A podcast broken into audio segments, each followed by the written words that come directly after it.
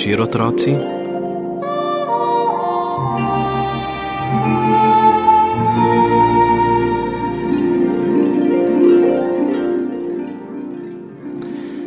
Po zimi ima človek veliko opravkov.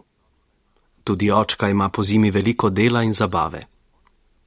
On je tisti, ki je v hiši najmočnejši in zato vedno odmetava sneg z dvorišča. To pomeni obilo zabave tako za očka kot za Nino. Očka se zna namreč prav lepo igrati in pri tem ne zaostaja za Nininimi vrstniki. Sneg, ki ga očka odmetava, raste v kup, večji in večji, dokler ne nastane Ninin hribček za sankanje kar na domačem dvorišču. Očka van zasadi smrečico in stepta stopnice, da se Nina brez težav povspne na vrh.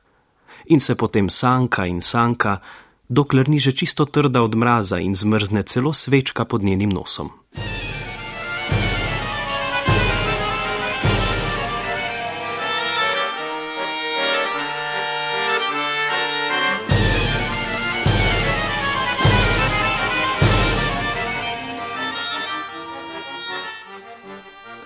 Dvorišče je veliko in očka ima celo popoldne delo z odmetavanjem snega.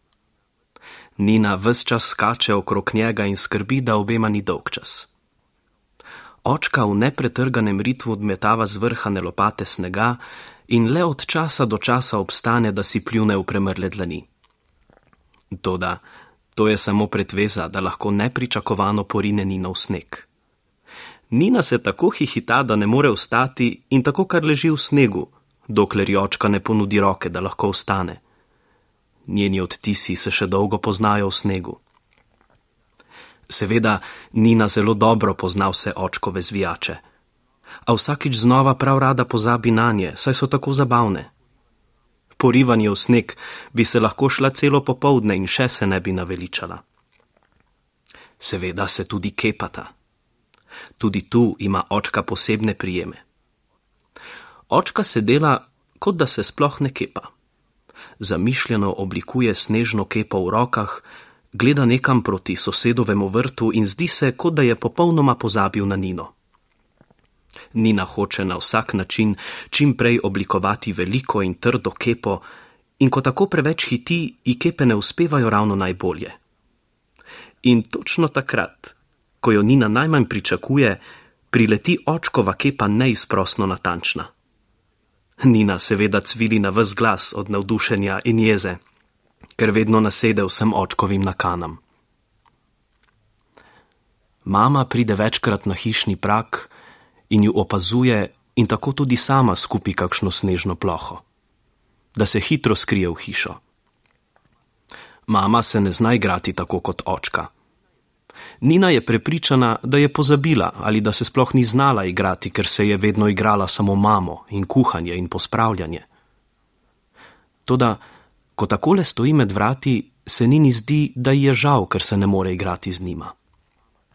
Mama ima vedno toliko dela v hiši, brez predaha pospravlja in čisti, ker ima rada vse tako kot iz škatlice. Po zimi rada plete volnene puloverje in nogavice za očka in Nino. Toda kljub vsemu delu ji postane dolg čas po njiju, posebno takrat, ko celo popovdne posluša njun smeh, ki prihaja z dvorišča. Zato mora malo pogledati k njima. Potem se lahko spet vrne k svojemu delu in je vesela, poje na vse glas, ker ju ima oba, tako razposajena in ljuba. Ko se z mrakom vrnete v hišo, sta premočena, premražena in lačna. V toplo zakurjeni kuhinji ju začnejo srbeti premrli prsti na nogah in rokah. In mamica pravi: Ljubčka moja, prav gotovo sta neznansko lačna. In oba upijeta v en glas, kako grozno, neskončno in neznosno sta lačna. Mama ima že pripravljene obložene kruhke in lipov čaj, včasih ima speče palačinke ali solnograjske žličnike.